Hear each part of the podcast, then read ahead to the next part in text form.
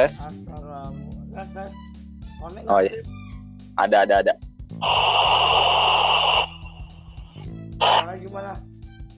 Bagus. Mas masuk.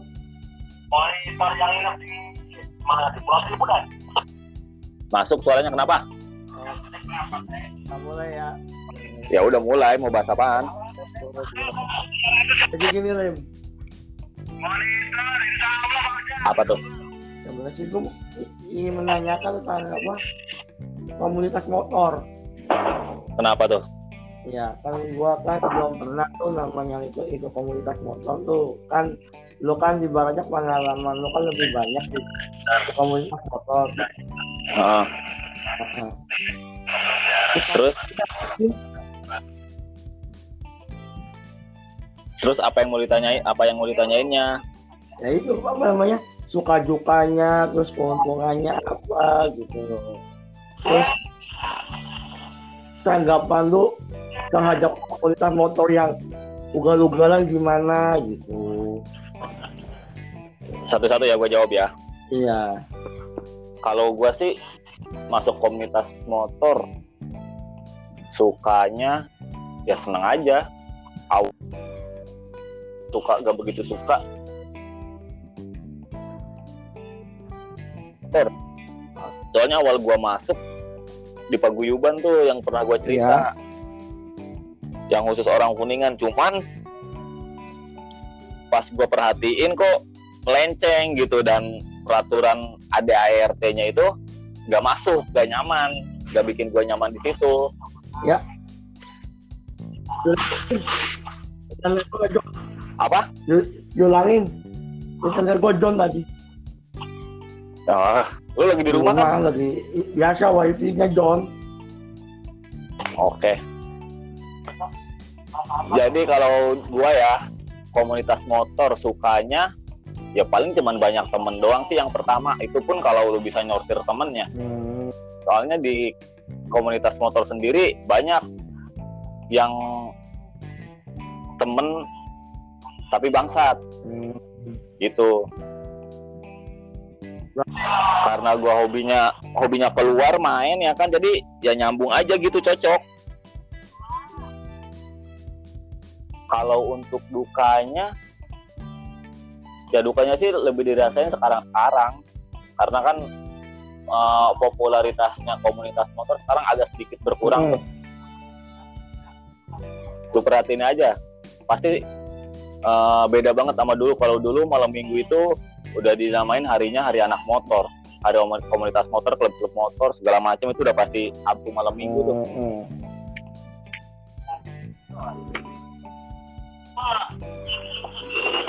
sekarang yang lagi rame malah anak-anak vlogger. Oh ya. yang San Mori ya kan? lu perhatiin aja yang San Mori San Mori yang gitulah. Yang mencari duit secara digital. Kayak ini apa namanya? YouTuber YouTuber Aduh, kerang. Aduh. kayak semacam YouTuber YouTuber gitu. Iya, betul kayak gitu. Dan sebenarnya kalau lu mau pengen nyoba masuk komunitas motor, kalau saran dari gua sih, kalau emang benar-benar lu ngerasain sensasinya, benar-benar yang masuk ke klub, Oh kalau klub yang benar-benar, ya ke klub, klub yang benar-benar resmi, yang ada ART-nya jelas, yang di bawah naungannya jelas. Dan untuk masuk klub yang resmi itu nggak mudah. Prospeknya itu bisa panjang. Lu pengen dapat nomor member aja, prospek bisa setahun sampai dua tahun. oh Iya, itu pun itu gue berbicara klub yang udah gede ya, yang udah benar-benar besar kayak udah hampir 25 tahun, 36 tahun. Yang gue tahu komunitas motor dari dulu yang sampai sekarang yang awet itu cuman Vespa, Scorpio, Tiger, King. Sisanya ya lu tau sendiri lah, gak perlu gue sebutin takutnya ada yang tersinggung. Oh, Oke oke.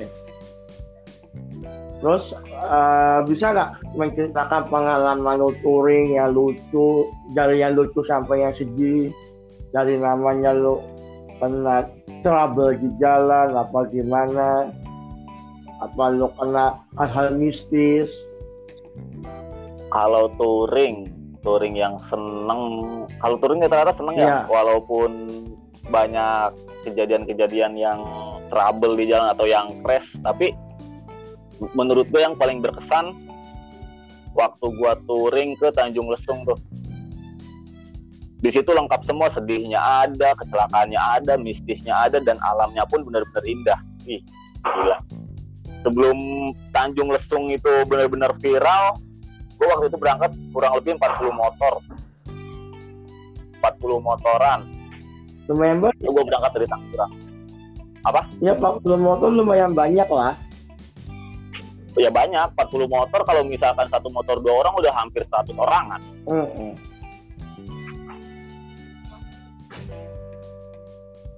itu ke daerah Tanjung Lesung itu memakan waktu berapa hari oh gak nyampe berapa hari hitungan jam kok. Gue berangkat jam berapa ya? Kalau nggak salah jam 9 gue berangkat dari Citaraya. Hmm. dan nyampe di Gapura Tanjung Lesung itu di lobi depan itu subuh sekitar jam 4-an lah.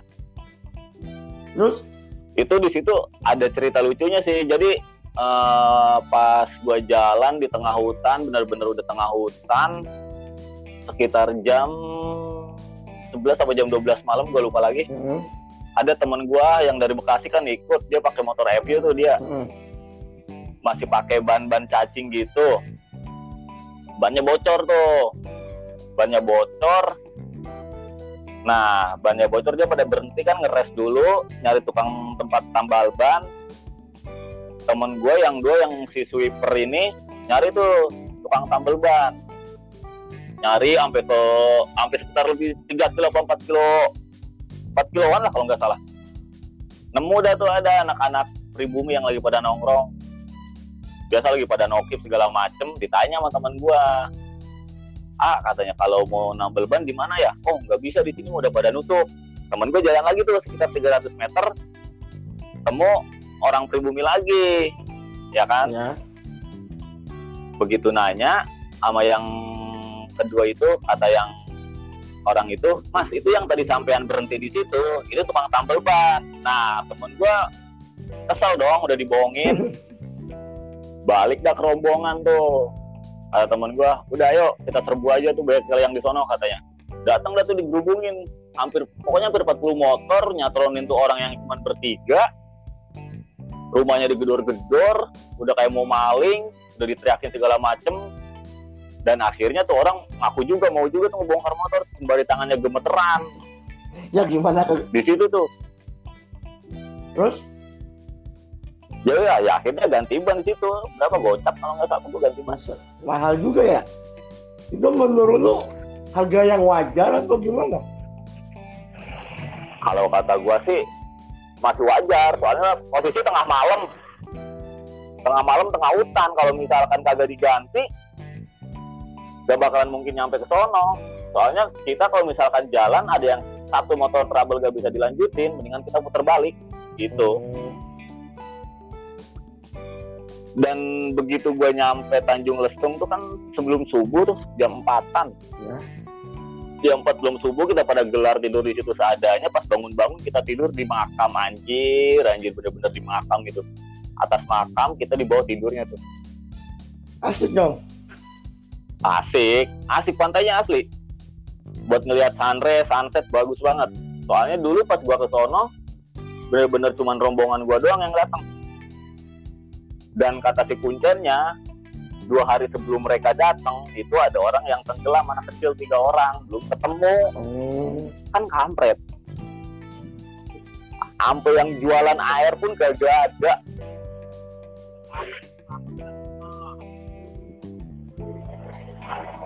Kalau yang paling berkesan itu sama yang gue jalan ke mana ya? Yang gue jalan ke mana lagi ya? Mana? Berkesan.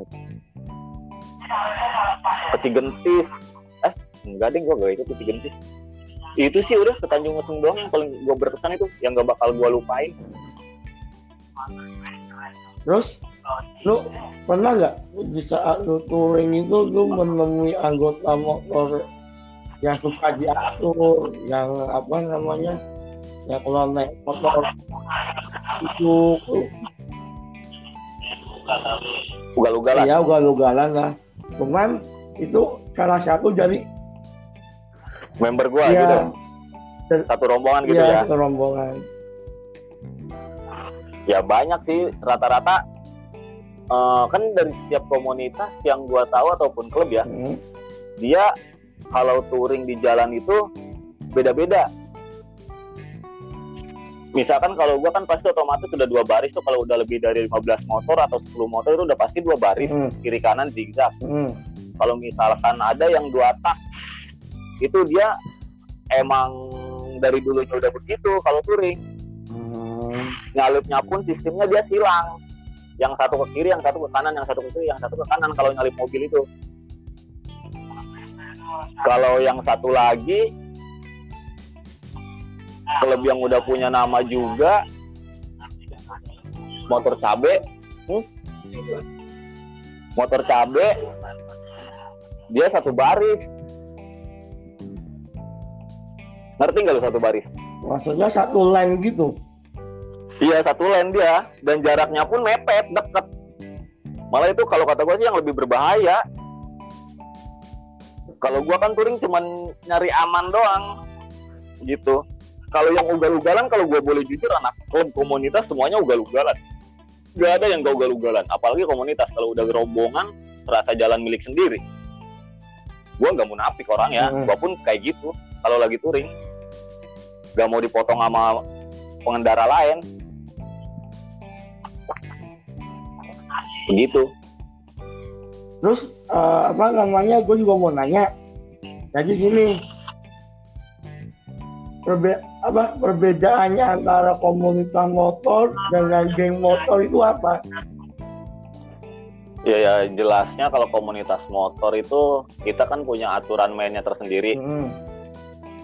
Punya aturan main tersendiri yang gua tahu. Terus kita punya tempat kopdar, eh, terus punya sekrenya di mana, banner kita jelas, jadwal kita kopdar jelas, uang kas jelas, terus struktur organisasi pun jelas, eh, bakti sosialnya ada. Pokoknya kegiatan-kegiatan positifnya itu sebenarnya di komunitas sama di klub itu banyak gitu. Kalau misalkan geng motor, gue juga nggak tahu ya geng motor itu yang kayak gimana. Karena geng motor yang kita tahu kan dia arogan, Hmm. Aro- arogan dalam artian yang gua yang gua lihat sih kayak bikin rusuh, bikin onar kayak pengeroyokan yang gak jelas lah, tawuran, balas dendam antar geng, kayak nyawa dibayar nyawa, darah dibayar nyawa. Sebenarnya mereka mungkin kalau misalkan diarahin itu bisa berubah. Soalnya udah ada kok beberapa geng yang gua tahu dia dirangkul sama beberapa klub klub-klub yang udah resmi, udah yang yang udah punya nama, yang naungannya jelas, itu dia mau berubah. Malah yang gua tahu di kampung gua pun dulu ada yang namanya geng motor, ada tiga apa empat gitu. Dia rusuh, Hmm. terus salah satu geng motor itu diambil, diambil alih, dikasih arahan, dan dia mau mengerti dan sekarang alhamdulillah geng motor yang dulunya arogan malah lebih baik daripada komunitas. Itu yang gue lihat sekarang. Sebenarnya eh, kita juga pengen kayak ngerangkul-ngerangkul geng motor, cuman pendekatannya ini yang susah. Gitu. terus eh, apa namanya saran terus dan saran u- ada geng motor yang ugal-ugalan tuh apa nih menurut lu? Kalau menurut gue sarannya ya arogan boleh, cuman tetaplah kalau kita salah di jalan ya kita akuin kesalahannya itu jangan bikin rusak nama baik klub ataupun komunitas yang benar-benar dia sopan santun di jalan, yang benar-benar respect sama yang lain. Buat apa sih lu arogan cuman buat dikenal dikenal orang dilihat orang bukan dikenal dilihat orang wah dia keren bisa willy-willy di jalan oh dia keren bisa cornering di jalan raya ya kan? Hmm. sebenarnya buat apaan sih kayak gitu? Walaupun gue sendiri kadang kayak gitu cuman pas gue mikir ulang lagi setelah gue ngelakuin oh iya gue risih juga ya. Gimana kalau pengendara yang lain jatuh karena gue gitu ya kan mikirnya? Kan sekarang banyak yang kayak gitu. Maaf maaf nih bermodalkan kamera dia seolah-olah paling bener di jalan kalau ada kejadian bener gak sih bener gak sih Apa? Coba diulangi. Iya, sekarang kan banyak nih, maaf maaf ya, gue bukan nyingging, me- menyinggung satu pihak ataupun pihak yang lainnya, cuman yang gue lihat sekarang dia cuman berbondalkan kamera, merasa paling benar di jalan begitu dia crash atau begitu dia eh, bikin onar itu dia merasa paling benar sendiri gitu. Paham gak lu? Iya. Ya yang namanya kita di jalan, kita sama-sama bayar pajak, ya udahlah nggak usah begitu begitu juga kalau kalau saran dari gue sih. Dan untuk tipsnya buat geng motor, ya udahlah, udahin aja buat apa lu kayak gitu, buat mau sampai kapan seperti itu gitu. Gua pun yang sekarang masih berstatus member sebenarnya udah capek ikut ikut ikutan komunitas motor ke sana ke sini. Karena begitu gua ada masalah begitu gua ada trouble orang-orang terdekat yang justru menghampiri kita walaupun emang manfaat dari masuk komunitas itu benar-benar sangat bagus. Lu bisa bersosialisasi di situ lu bisa ngekspresiin diri lu seperti apa itu ya di situ. Gitu. Ada lagi mas Adi? Kayak cu eh, kayak cukup sih, ah, Cukup. mungkin lu yang sekarang gantian yang mau nanya nanya apa? lu nggak tertarik ikut komunitas motor Sempet tertarik, cuman gua mal apa namanya bukan takut atau gimana, hanya males dengan sistem perpeloncoan. Ngerti nggak perpeloncoan itu? Maksudnya gua gua Ah, gak ngerti nih. perpeloncoan itu kayak ada oknum anggota oknum komunitas motor jika ada member baru itu biasanya dia semacam disiksa disuruh makan dari piring orang lain ke temennya terus suruh minum ludah member lama apa gimana lah. Intinya itu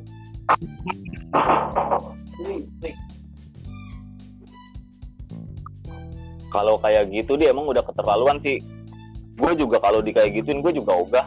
Tapi emang ada ya komunitas atau klub yang seperti itu prospeknya gitu loh. Kalau misalnya dari apa namanya dari perkataan perkataan teman-teman gua sih ada cuman nggak banyak. Ya, iya emang. Makanya di sini gua sem- sempat apa namanya dulu tuh sempat gua memandang negatif lah pokoknya namanya komunitas motor. Cuma semenjak gua kenal lu jadi pandangan gua terhadap komunitas motor itu sedikit berubah. Iya sih tapi emang kebanyakan yang mandangnya yang ikut-ikut komunitas itu pasti negatif. Gue akuin itu. Walaupun masyarakat mungkin sebagian nggak tahu. Dulu waktu zaman zamannya geng motor terus zaman zamannya begal kami dari komunitas motor bahkan ada yang ikut patroli dengan polisi. Ikut patroli daerah-daerah yang rawan kita sweeping. Tapi kita patroli tetap kita nggak pakai atribut. Gitu.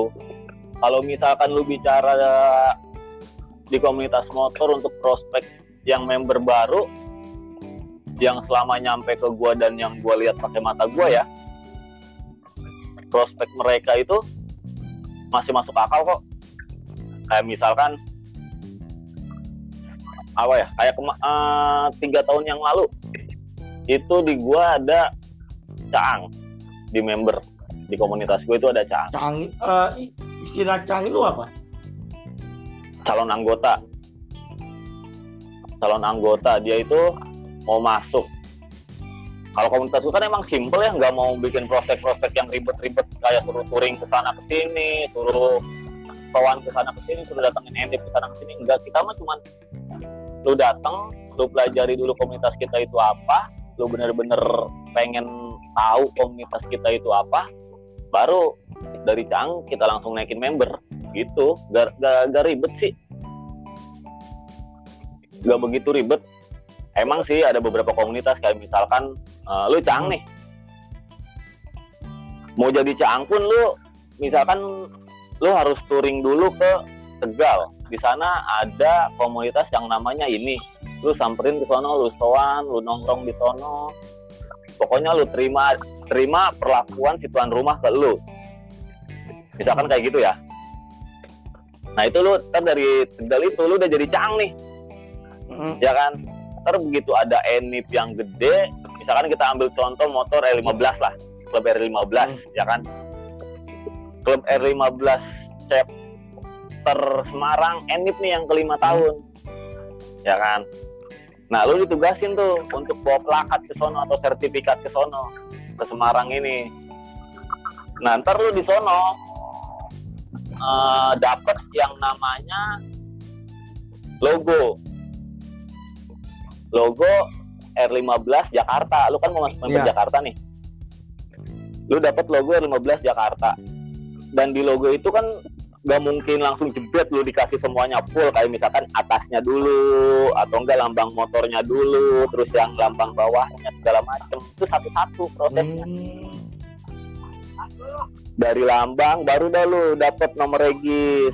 Dari nomor regis biasanya dapet tuh peneng nah da- udah udah dapet atribut semua buat di rompi sama di motor atau di jaket baru lu boleh bikin yang namanya atribut resmi kayak kemeja jaket resminya sweater resminya gantungan kunci segala macem gitu. Untuk proses yang gua tahu dan itu pun eh, pas prospek nggak bener-bener yang kayak lu bilang tadi suruh minum lu, uh, lu udah seniornya lah segala macem. Oh itu kalau itu gue juga nggak setuju lah. Buat apaan? Kegunaannya itu buat apa gitu?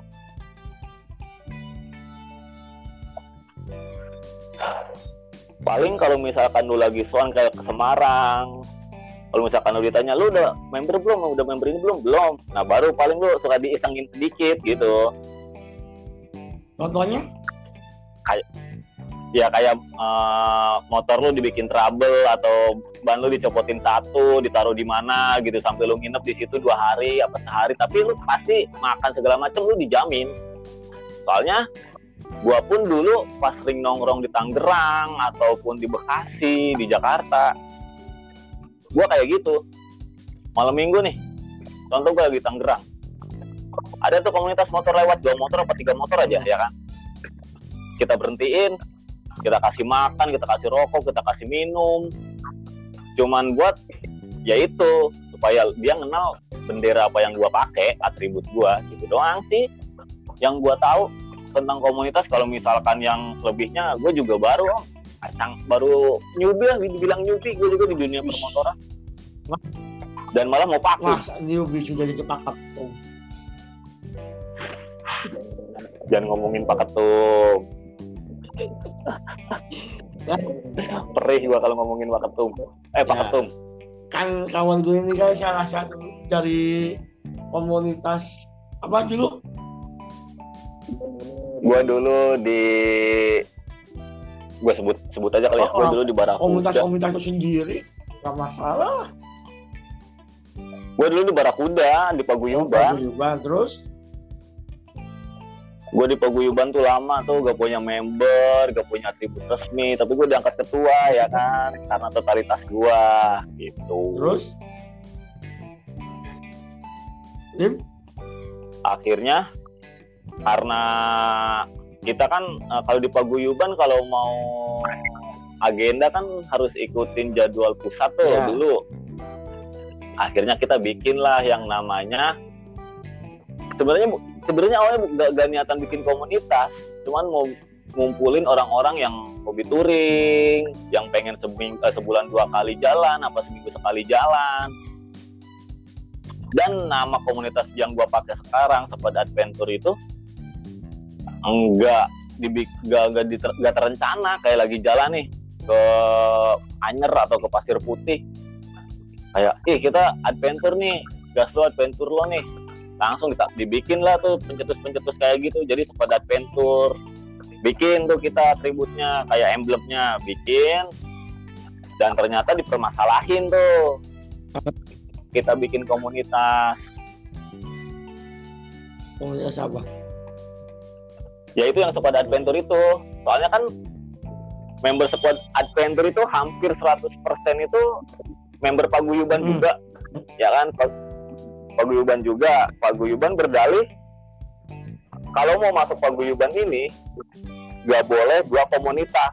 Sementara yang gua tahu yang namanya paguyuban itu beda sama yang namanya komunitas. Kalau paguyuban benar-benar murni ngerangkul orang-orang perantau yang yang satu daerah di perantauan kita rangkul kita bikin agenda dan agendanya pun nggak begitu condong ke komunitas motor tapi paguyuban yang dulu gua pernah masukin yang pernah gua pelajarin itu dia lebih condong ke komunitas motor. Bahkan naungannya pun dulu itu di IOC Ikatan Otomotif Cikarang itu kan dia udah otomatis ke dunia motor bukan dunia paguyuban. Itu udah bang? Udah. Rehat-rehat tenang bang ada gua Bagaimana?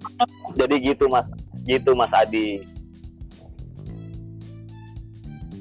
berarti pengalaman lu terhadap komunitas motor ini cukup banyak ya Lim?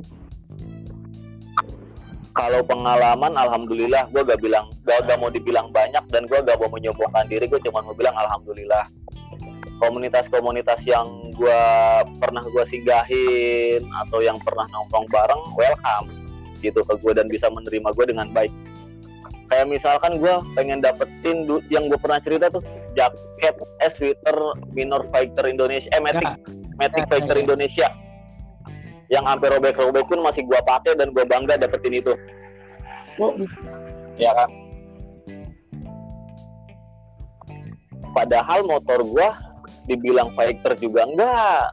Baby smell gue itu. Oh ini iya yang Mio itu. Gua kenalnya itu sama Om Iyo. Itu gua pun kenal di Facebook pas dia lagi enip tuh. Hmm, di Facebook gua ketemuan si Odian Twitter ya kan? Ngobrol-ngobrol-ngobrol sama dia.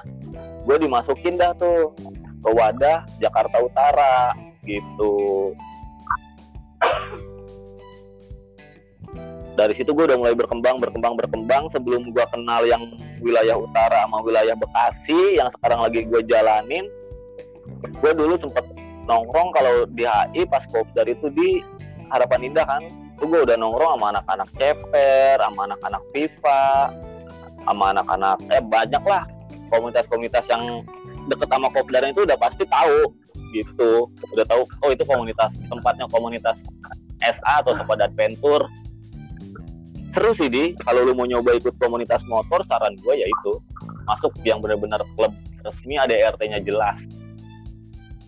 Cuman ya apa namanya pengalaman gua touring motor itu pertama kali itu ya waktu gua touring ke daerah Serang. Iya, Tahu gua tahu. gua udah ceritakan lu ke mana gua juga lupa ke negeri Ah. awan negeri di atas Ya. awan itu benar-benar pengalaman gua touring motor pertama kali terus gua melek begadang di atas motor seharian terus gua jalannya makan minum itu sa- enak ya sama-sama enak ya enak ya sama-sama enak itu lu baru ke Serang ya baru ke Serang aja lu udah udah, udah ketagihan Iya. ya kan? Apalagi lu lu waktu ke Serang berapa motor sih? Jika lim cuma 10 motor. 10 motor rame lah hitungannya. Cuma kan satu motor satu orang. Justru kalau gue justru gini di kalau touring itu malah enak satu motor satu orang. Kenapa alasannya eh, lebih e- lebih enak aja gitu kalau satu motor satu orang itu dilihatnya itu gimana ya? Lebih rapi. Gitu. Terus mungkin bebannya juga nggak begitu ini berat ya di motor ya? Iya itu yang pertama. Jadi buat narik motor pun enak. Itu lu baru ke Serang ya belum belum ke tempat yang lebih jauh atau event-event yang lebih besar. Ntar dah kalau misalkan enip-enip udah ada enip sekarang kan lagi pandemi nih. Belum ada enip segala macam kalau udah ada enip insya Allah gue ajakin dah. Kalau gue ada waktu kan yang pas. Bapak ini kan hanya wacana saja. Wacana-wacana doang. Dan harinya alasannya masuk malam. Bukan gitu mbak. Kan gue udah bilang gue gue udah capek gue sebenarnya itu mau pakung cuman kalau misalkan gue pakung gue kan udah janji sama diri gue sendiri gue pengen tetap ngidupin bendera gue yang gue rintis bener-bener dari nol. Eh bukan gue rintis sih. Yang gue ikutin bener-bener dari nol yang pengen ngebangun nih bendera itu susah payahnya itu perjuangannya itu bener-bener perjuangnya bukan main. Walaupun tinggal gue sendiri yang aktif gitu loh. Yang ke sana ke sini yang nemuin member-member yang lain cuman ya gue di situ merasa senang gue masih punya teman gue di member nih. Gitu. oh berarti yang squad ya? Iya yang Iya, kuat yang lah. Karena gue sama yang yang paguyuban udah nggak ada urusan sama sekali. Udah keluar? Kalau dibilang keluar gue kan nggak punya status member di situ. Oh berarti lu anak bayangan ya? Kagak jelas sialan. Sialan sialan. Mau dia jadi pak ketum cuma gak punya member kan jadi jadi gak jelas.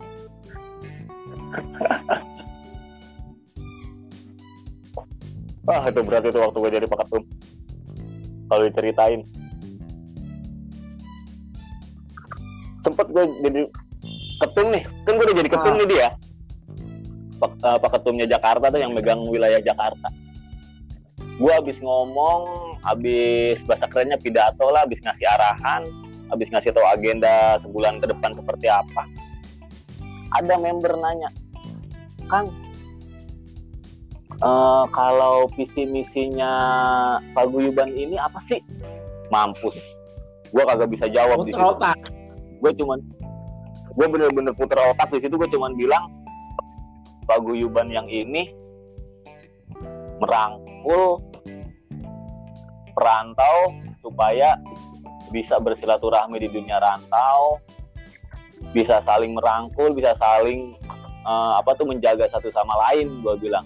Untuk misinya ya kita jalanin bareng-bareng seceplosnya aja. Padahal visi misinya itu nggak seperti itu.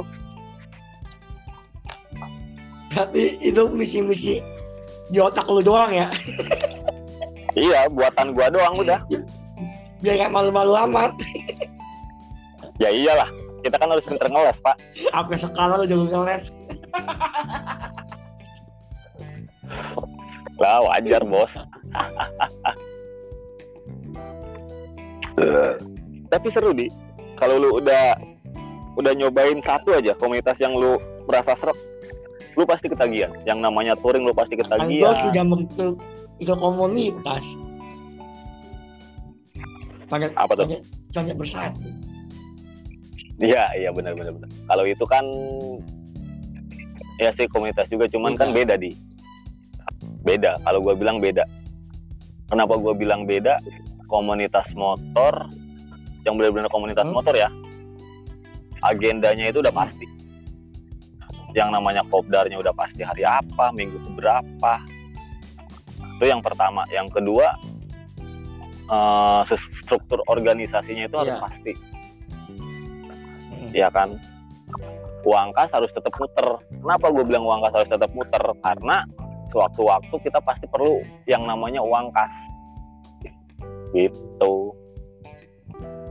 Iya sih, memang kalau di komunitas yang itu yang apa namanya yang gua dalami yang emang gua struktur organisasinya sih emang nggak ada. iya cuman buat kita senang-senang nongkrong doang gitu. Cuman dulu waktu di awalnya berdirinya tuh aja. iya gue tahu dulu emang sempet ada. Cuman Ah, kan balik lagi. balik lagi. Ke kebutuhannya masing-masing. Gitu. Dan dan sebenarnya gue kalau misalkan untuk komunitas ojol ya lebih setuju kayak gini ngerti nggak? gimana? Suaranya nggak ngerti. Ya kayak gini. Ya kalau kalau menurut gue nih untuk komunitas yang ojol itu ya emang harusnya seperti ini gitu loh. Jadi yang kita utamain itu keluarga sama dapur kita untuk urusan kopdar kopsan terus yang trouble di jalan yang beda-beda itu kita bisa nomor sekian kan. Kita kalau ada waktu luang yang kita samperin kalau nggak ada ya udah. gitu. Gitu loh. Ya memang itu karena kita kan di jalan itu kan untuk mencari uang. Iya, makanya kan gue bilang komunitas yang sekarang lagi kita jalanin sama komunitas motor atau klub motor itu beda, gitu.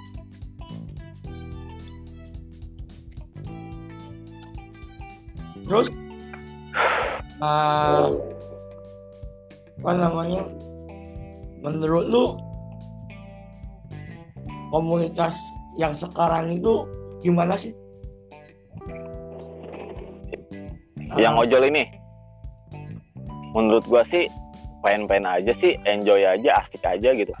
Ya walaupun nggak nggak apa ya, nggak bisa gue pungkirin di setiap komunitas pasti ada lah yang namanya gesekan sama member atau misalkan beda pendapat perselisihan itu udah udah hal yang wajar gitu kalau misalkan untuk komunitas ini gue bilang baik kok bagus gitu. Bagusnya apa? Kita kalau ada apa-apa apalagi dengan member kita sendiri kita usahain pasti datang.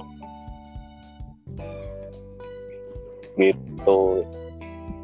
Dan untuk kekeluargaannya pun gue bilang sih dapet lah segini mah. Biar dikit yang penting gore ya ya. Kamu Iya. apa hidup lu?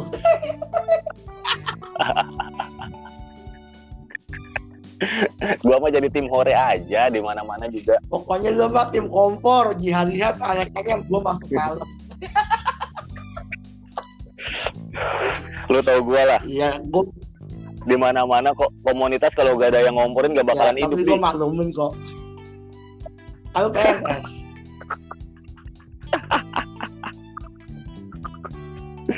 terus kalau misalnya anggota Gajinger saran apa kritik dan saran lu apa?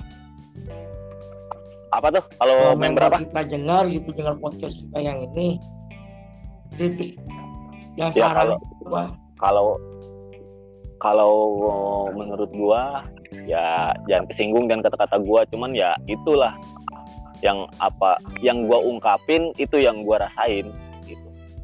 Gue emang orangnya kadang kalau ngomong jujur suka bikin sakit hati orang. Cuman gua itu cuman tok murni bercandaan gua doang. Nggak nggak ada niatan buat nyinggung atau masukin ke hati lu tuh ke hati-hati kalian itu gue nggak ada sama sekali.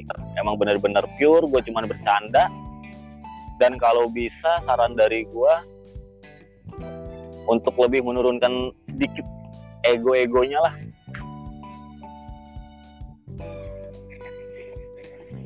Halo, Lip?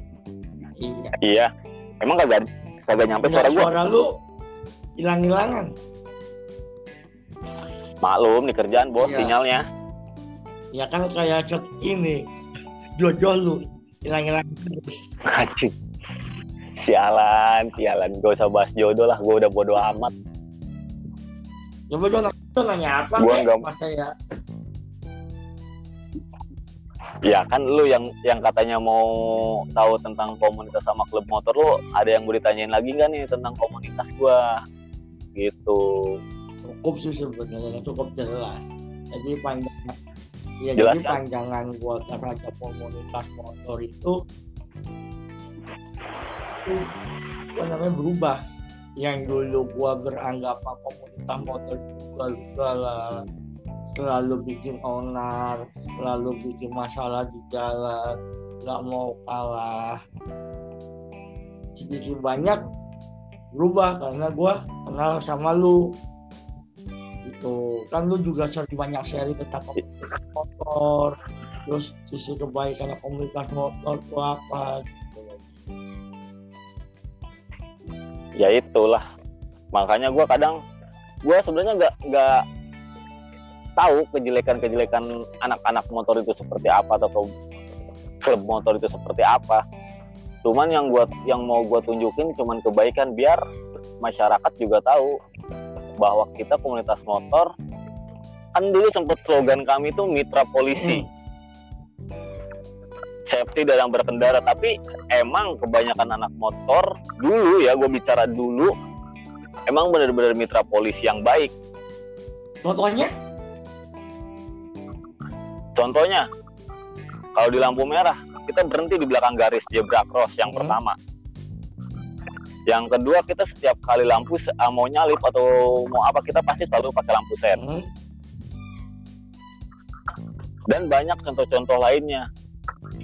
Kita sering ikut safety riding, cara berkendara yang baik dan benar itu seperti apa. Terus eh, baksos bareng kepolisian atau misalkan kita lagi kopda terus datengin sama kepolisian pas lagi patroli di- didatengin terus ditanya-tanya digeledah segala macam emang kita benar-benar murni gitu nggak ada yang namanya obat obat obat-obatan terlarang atau minuman-minuman keras. Cuman dan bahkan waktu gua kopdar di HI gua sempet didatengin sama polisi yang lagi patroli dia ngacungin jempol dan bilang jaga terus nama baik komunitas dan klub motor. Karena sekarang banyak yang mengatasnamakan klub ataupun komunitas dia seenaknya di jalan.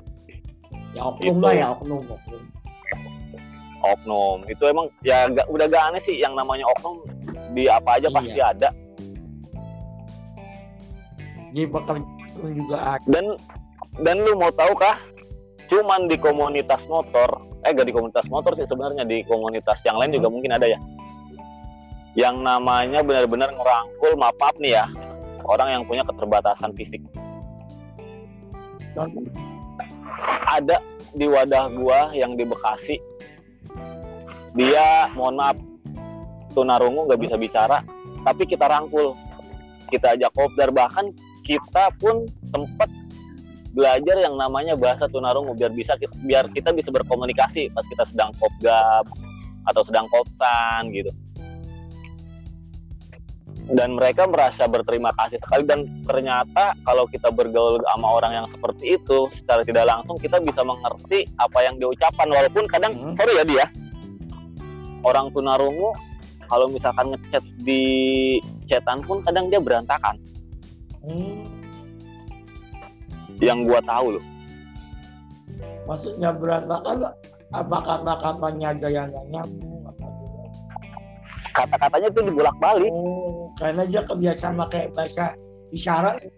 Ya. isyarat iya betul dan seperti itu mohon maaf ya kalau misalkan ntar podcast ini yang dengerin yang punya keterbatasan fisik gua nggak ada niat nyindir gua cuman justru gua bangga punya teman seperti kalian yang mau bersosia- bersosialisasi dengan yang lain nggak malu dengan keterbatasan kalian gue justru lebih salut sama orang-orang yang seperti ya itu memang harus begitu sih. Buat apa sih kita minder, kita apa namanya kita nggak pede. Nggak percaya diri iya tapi kan ada di beberapa orang yang mencoba untuk nongkrong bareng tapi karena dia mempunyai keterbatasan fisik dia minder.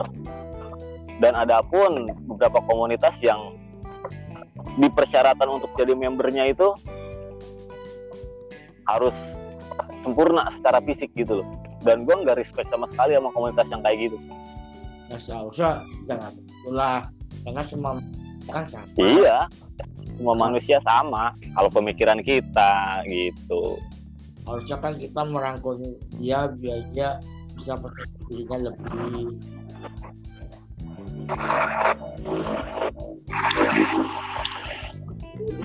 Kalau gue mah selalu merangkul sama Iya. siapa pun. Harus begitu Lin. Asalkan orangnya asik, gue pasti gue rangkul dia. Begindang. Itu sih ya komunitas yang gue tahu. Untuk yang lainnya sih, ya dukanya, dukanya apa ya gue di komunitas itu. Dukanya kalau kopdaran kopdaran sepi gitu, cuma dua orang, tiga orang, sedih banget gitu. Kayak anak tiri ya. yang Iya. lain banyak kita cuma berdua Tapi kalau untuk touring lukanya itu malah nggak ada. Walaupun sekalinya ada temen yang tes malah jatuhnya itu buat cerita yang lucu. Gitu. kalau touring eh, lo ketemu, hal-hal mistis pernah lu? entah Sering entah lah. ketemu pocong apa entah lo ketemu kuntilanak atau di- tiba-tiba nyasar ke mana gitu Kalau untuk ketemu di jalan sekilas mungkin kita nggak nggak ngeh ya. Tapi kalau begitu nyampe lokasi itu baru gue pernah ngalamin. Gitu. Kayak diketawain nama yang namanya eh, Neng Kukun atau ditimbulin sama hal-hal bisnis. Pernahnya ya pas nyampe lokasi. Kalau untuk yang di jalannya itu kayaknya enggak dah. Kalau untuk nyasar karena kita mungkin nggak tahu lokasinya aja gak tahu medannya. Mungkin Berarti itu. kalau berarti selama pengalaman lo touring disasari sama makhluk astral itu belum pernah. belum pernah. Soalnya kan touring kita baru Jabodetabek kok paling gue juga ke puncak. Tapi kan seenggaknya kan perjalanan itu kan ibaratnya adalah hal-hal mistis atau hal-hal yang janggal gitu. Enggak sih kalau di untuk di perjalanan mah aman-aman aja. Fan-fan aja enak seru. Jadi kapan-kapan aja gue dong. Ya boleh. Niatnya malam ini mau pada gas itu cuman berapa motor ya? Tiga motor paling. Mau pada ke Anyer. Berhubung gua masuk malam terus ya udahlah yang lainnya akhirnya pulang kampung. Kan emang kan yang merusak suatu acara kan memang Abu Salim Ojwe pokoknya entah kenapa tuh kalau komunitas buat ada acara ini yang orang merusak karena pasti Abu Salim apakah dia memang benci Padahal- dengan komu- komunitas apa gimana gue nggak tahu. Padahal kalau tinggal jalan jalan Iya, aja ya. ya, gak usah nungguin gua. Kalau kurang satu orang itu rasanya nggak enak. Iyalah pasti itu mah apalagi orangnya asik kayak gua. Cuma satu lu cobalah kali-kali jangan merusak rencana dan suasana. gitu. Soalnya gini di kalau misalkan gua gua pasti ikut itu yang lain pasti bentrok gitu. Makanya gua kadang lebih baik jadi tukang ngomporin. Iya gua ikut gua ikut gua ikut. Begitu hari H sorry gua nggak bisa. Jadi kan jalan pasti udah pasti jalan gitu. Cuman ngalahin satu orang gak perlu ngalahin banyak orang. Cuman kan ibaratnya kalau sekali dua kali mah lah gua. Nggak nggak tiap lagi acara itu pasti tiba-tiba masuk malam. Ngambil kurang tiba-tiba apa? Padahal itu rencana kan.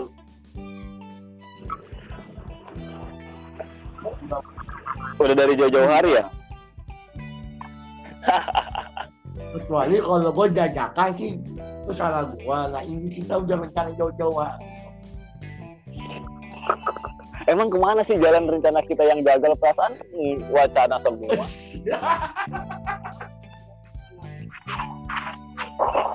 Gue waktu ke puncak gue nyusul walaupun PP gue nyampe langsung pada balik lagi. Sialan sialan. Tapi ini nggak waktu gua yang touring ke Serang sama si Sahri kan Iya. lu yang awalnya ngomporin Oh, emang gue ya?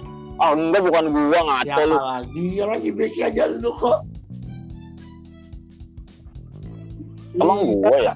Perasaan sampai bukan gua. mau berangkat.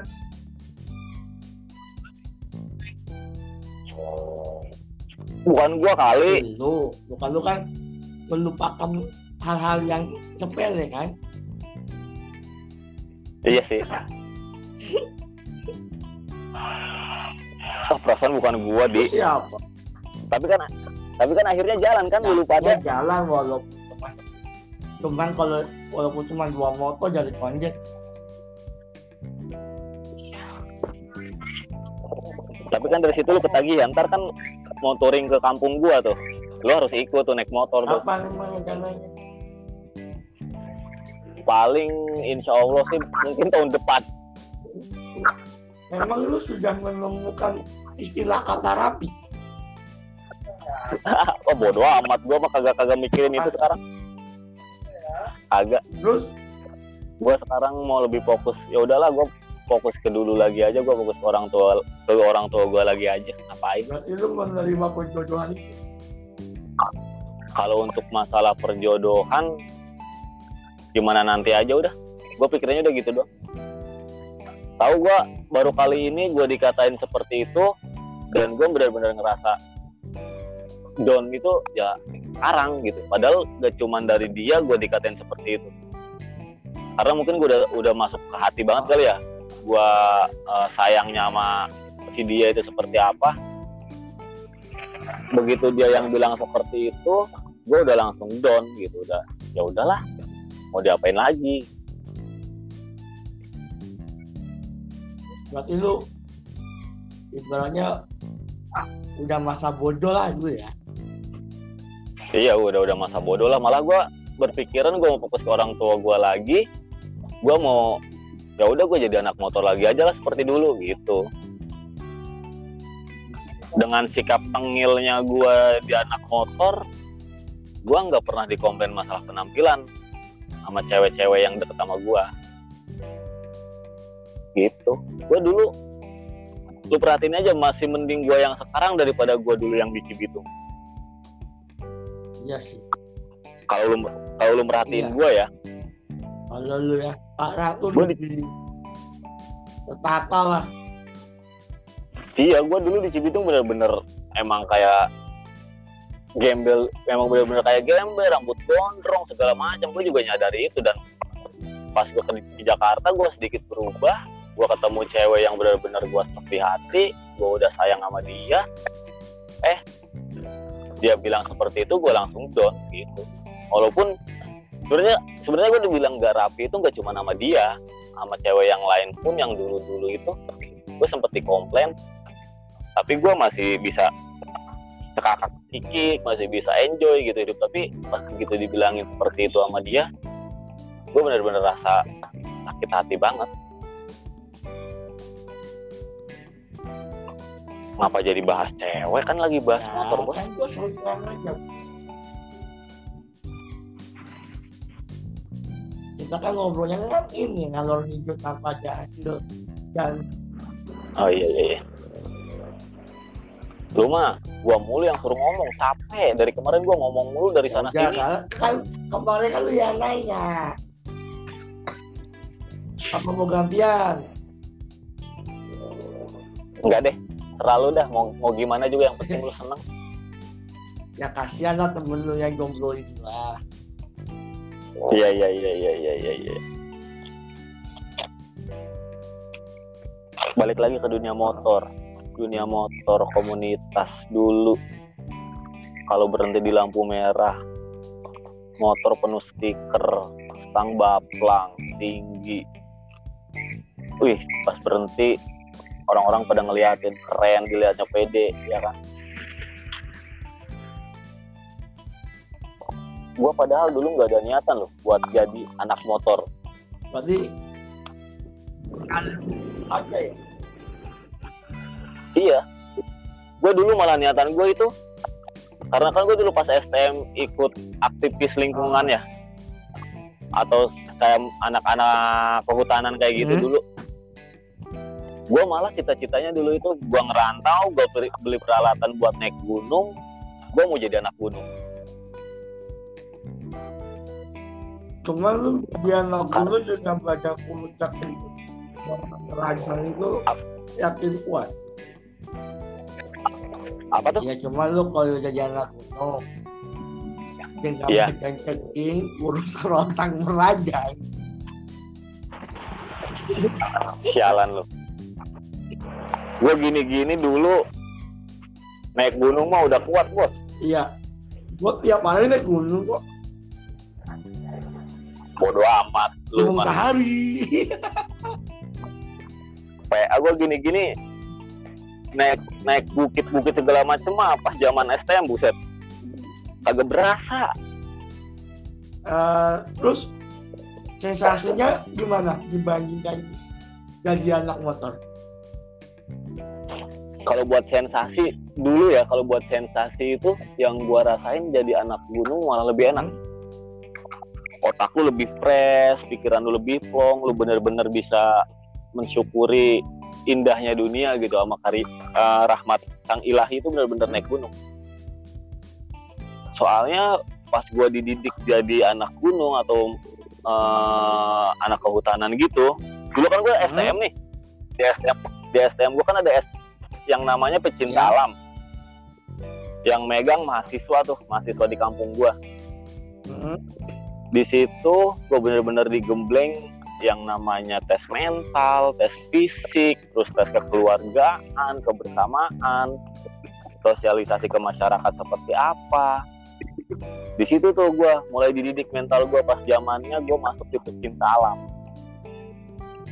Yang namanya panjat tebing tekniknya seperti apa, terus cruising seperti apa, rappelling seperti apa, gue tahu semua pas zaman pecinta alam. Nah, beruntunglah dirimu, Lim. Rumahmu dekat gunung. Hmm. Asli enak, Di. Dan satu hal, kalau lu mau tahu, gua dulu sempet dilantik yang namanya di hutan. Gua kan di pencinta alam nih. Ada yang namanya dilantik. Kalau di komunitas motor mungkin dapat nomor member ya kan. Jadi member resmi Ah. gitulah. Kita nginep tiga hari dua malam kayak camping kayak gitu. Cuman peralatan kita beda. Masih nggak beda. Kalau camping kan bawa tenda, bawa bantal, bawa matras, bawa kompor, tek-tek banyak lah segala Iya. macem. Kalau gua waktu di hutan, gua cuma disuruh bawa beras, garam, garam-garam yang kasar Iya. itu, terus indomie, indomie, sus- susu, energen, sarden, udah. Sebelum berangkat kita dikumpulin tuh dibarisin. Pakaian pun bebas. Dibarisin di lapangan itu si makanan logistik itu. Diambil semua sama mahasiswa jebret. Ya kan pokoknya handphone segala macam disita tuh sama dia. Berarti lu disuruh ini ya, survive. survival iya. Disuruh survival gua. Seru. Di hutan. Ya seru. Dan kebenaran pas gua dilantik itu hujan tuh. Hujan terus-terusan tuh. Pas begitu gua nyampe hutan gua hujan. Itu gue sepanjang jalan udah disiksa udah dikasih eh bukan disiksa sebenarnya dikasih pendidikan biar lu makan seadanya kayak tempe mentah terus buah-buahan yang di jalan yang bisa dimakan apa aja jenisnya air sebotol harus cukup buat rombongan, jangan sampai kurang atau jangan sampai lebih, harus ngepas.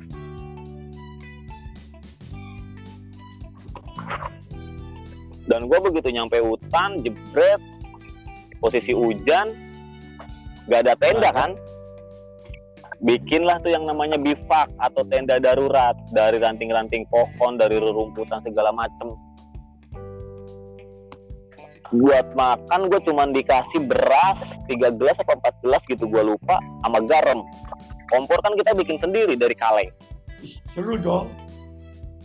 ih mantep di. Lebih enakan itu loh daripada camping sekolah. Ya kalau camping sekolah kan dia sudah terstruktur nih. Iya Kalau misalnya camping sekolah kan sudah terstruktur, sudah disiapin kan. ya emang iya tapi jujur ya gue dulu pas sekolah paling benci sama yang namanya bantara Bantara itu apa?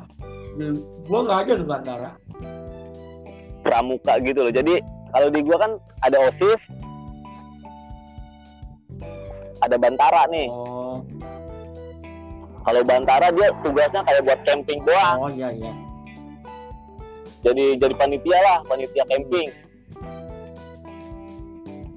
Gue dulu paling benci sama Bantara kenapa? Dia paling caper-caper sama yang namanya perempuan tapi nggak bisa kerja.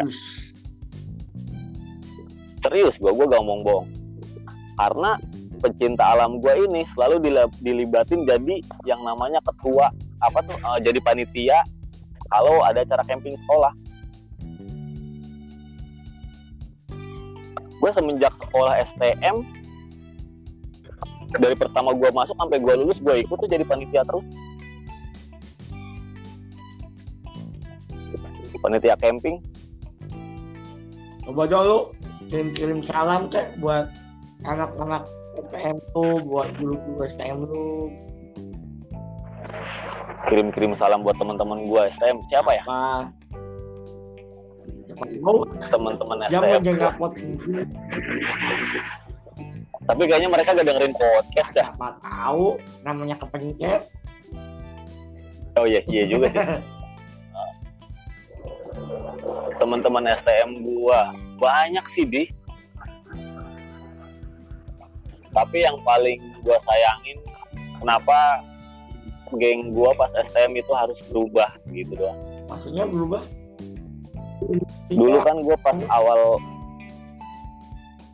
awal masuk itu kita kan kalau nongkrong cuman berempat berempat kalau enggak berlima tuh. Terus?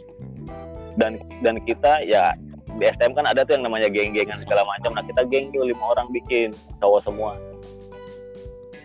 Udah bener-bener kayak sahabat lah gitu ya kan bisa dibilang seperti itu. Ke mana-mana bareng kalau ada apa-apa bareng. Bahkan mot gue belajar per- eh, pertama kali gue naik motor itu gue nabrakin pakai motor temen gue sampai pagar orang penyok. Dan gua handphone gue tuh ditahan sama yang punya rumah. Harus ganti 100 ribu dulu itu gue lumayan satu ribu lah bos. lah iyalah gue handphone ditahan dua hari apa sehari itu. Baru tuh ketebus gue handphone baru punya duit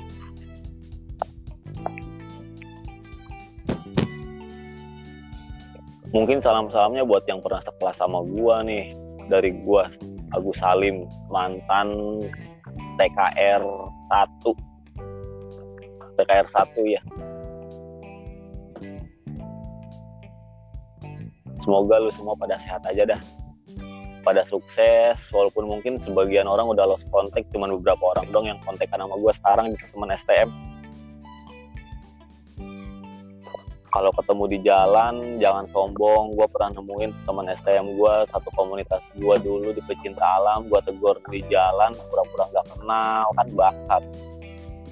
Gak mungkin dia nggak ngeliat nggak gini. gak ngeliat gimana di? Dia lagi boncengin cewek. Gue salib gue berhenti di sampingnya tuh. Barengin dia gue panggil. Gue panggil panggil sampai teriak-teriak dia diem aja ngeleos sialan gue Ya bilang. berarti temen lo malu punya temen jelek kayak lo lim.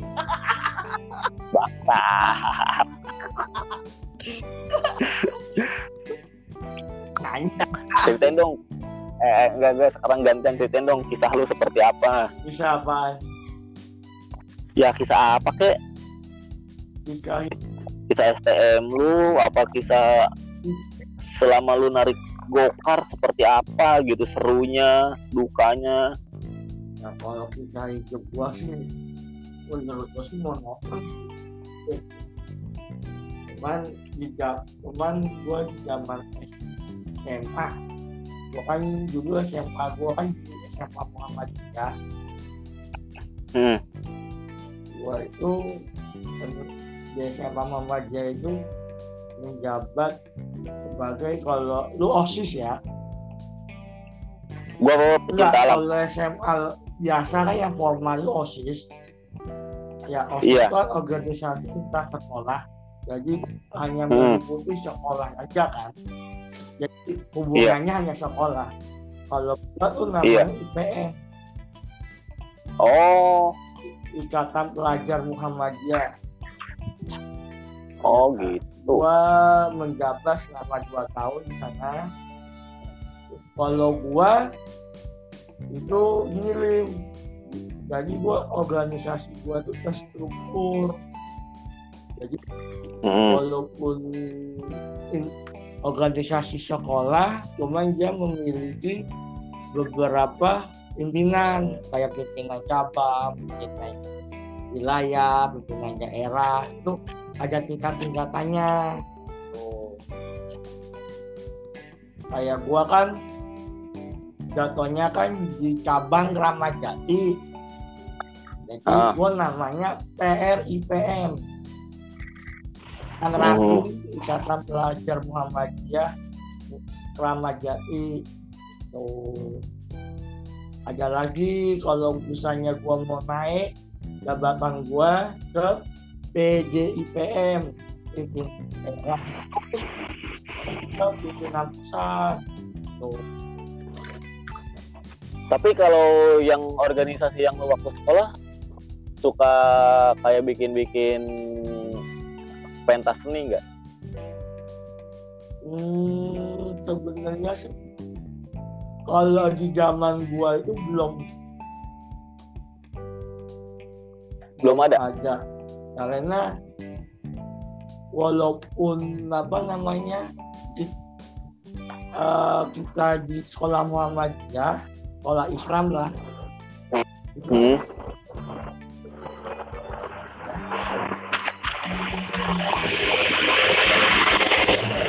Kita ini mau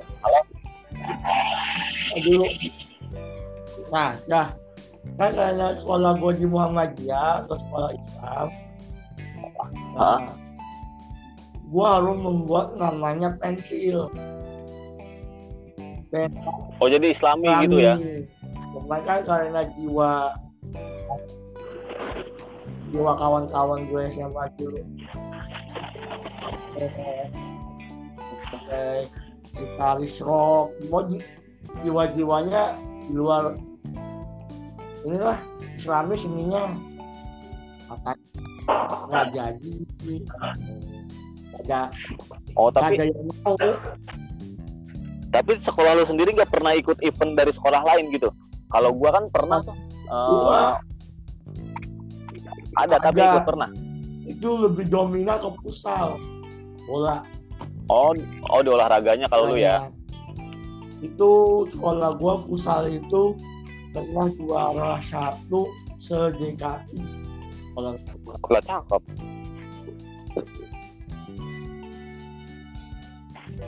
kenapa jago lu kan anak-anak atau kawan-kawan gua itu ibaratnya main bola itu pelajaran. Jam belajar itu eskul Hmm iya sama Makanya- lah. makanya sama. kalau nggak ada guru paling main bola. Nggak ada guru main bola. Jadi ya udah terlatih begitu aja. Oh. Iya kalau itu mah iya sama. Beda-beda. Kalau gua kan organisasinya kan di pecinta alam lebih aktifnya ya. Jadi kalau ada event yang berhubungan dengan panjat tebing atau eh, namanya lintas alam, naik turun bukit itu pasti organisasi gue ikutan gitu. kalau gue malah intra sekolahnya intra sekolah Hmm. jadi gue dulu menjabat menjadi tim advokasi atau pengacara Apa tuh? advokat jadi di organisasi gue ada namanya bidang advokat. Jadi kayak sistem pengacara siswa. Apa? Ribet, iya. Ribet banget ya. bukannya ya memang agak ribet sih. Jadi gini sistemnya. Jika ada siswa yang bermasalah kita membela. Jadi harus ini perang alibi. Lah kan siswanya bermasalah, kenapa dibela? Jadi gini Lim eh, jadi kita berusaha untuk meringankan hukuman. Bukan membela sih. Meringankan hukuman. Misalnya Contohnya? Contohnya? Contohnya ada yang hukumannya yang yang kayak ibaratnya kan kalau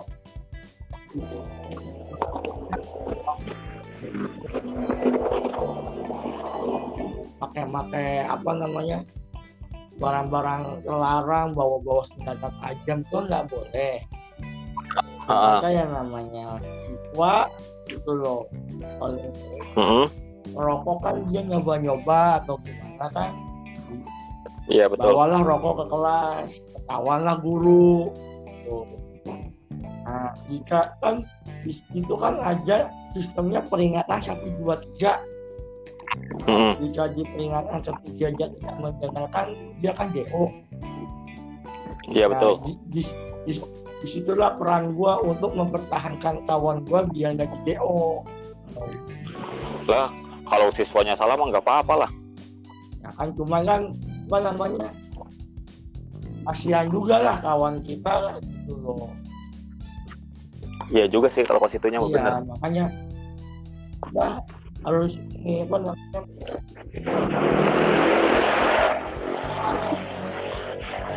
Oh sih cuman kan seandainya kita berusaha. Tuh. Apa ajak kasus apa nggak ngerjain PR terus dia disuruh pulang sama gurunya.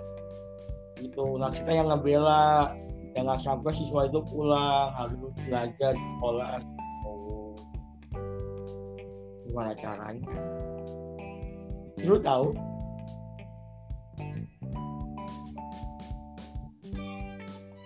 Yep. Tes? Suaranya kok hilang